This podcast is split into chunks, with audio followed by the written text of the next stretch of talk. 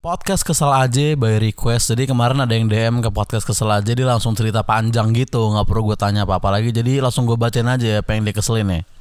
Dia cewek nih.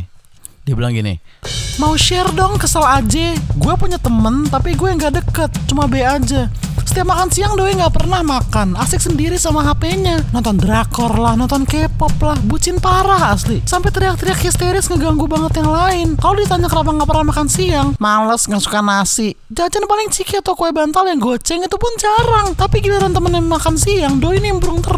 Boleh lah kita minta makanan kayak yang lain, asal kita juga punya makanan biar barter, nggak malu-maluin banget. Kalau awal bulan doi beli makan, itu pun sekali tiga kali dong. Habis itu nimbrung nebeng makan temen yang gratisan. Motivasi doi hidup di perantauan katanya modal nebeng aja udah gue tuh heran duit awal bulan dikemanain gitu sampai makan gari jatah hobi ngecil di cafe cuma minum doang outfit kekinian gaul tapi dompet kosong ayolah belajar memanage duit biar bisa beli makan siang terus di bawahnya dia kasih tanda bintang gitu tulisannya kekesalan gue mewakili teman yang lain oke okay.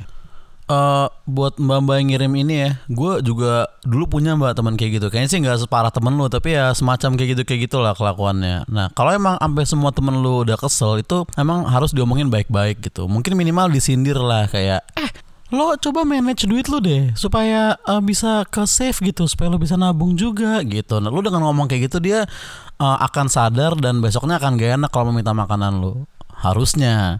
Tapi kan beberapa orang kan memang nggak punya urat malu atau nggak enak gitu. Jadi kalau gue bilang lu belak belakanin aja. Jadi misalkan lu lagi di kantin lagi makan gitu kan.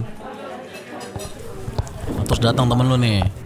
Terus dia duduk nonton drakor dengerin K-pop terus nggak lama dia minta makanan lu. Eh bagi dong bagi dong. Nah lu langsung aja lu jauhin piring lu dari dia gitu. Terus lu lihat matanya sambil lu bilang enggak minta mulu lu kebiasaan dari dulu. Jajan awal bulan doang kayak Harvest Moon lo goblok. Lu kan dikasih duit bulanan anjing. Asal lu tahu ya ini makanan ini gue beli pakai duit gue sendiri harganya dua puluh lima ribu. Gue ngabisin ini kira-kira itu 10 suapan. Lu minta gue sesuap itu sama aja lu malakin gue dua ribu lima ratus anjing. Dan kita udah berlapan di sini satu-satu lu mintain lu jatuhnya udah ngantongin dua puluh ribu tau gak lu? Lu setiap hari kayak gitu ada 30 hari dalam sebulan lu ngantongin enam ratus ribu per bulan dari kita kita ini. Lu tukang palak jatuhnya. Kantin gak pernah keluar duit tapi balik-balik kenyang gak tau diri lo emang kita semua juga pengen ngecil di cafe kayak lo, punya fashion gaul kayak lo, tapi apa duitnya kita simpan karena kita perlu makan di kantin. Sedangkan lo bisa sekenyang kita tapi nggak keluar duit itu nggak adil men. Gak usah lah lo pura-pura nggak suka nasi, lo tuh nggak suka bayarnya doang. Mending kalau lo ngobrol sama kita ini udah lo asik sendiri main handphone tiba-tiba minta makan lo nggak tahu diri emang. Tolonglah duit di manage please banget duit di manage lah tolong.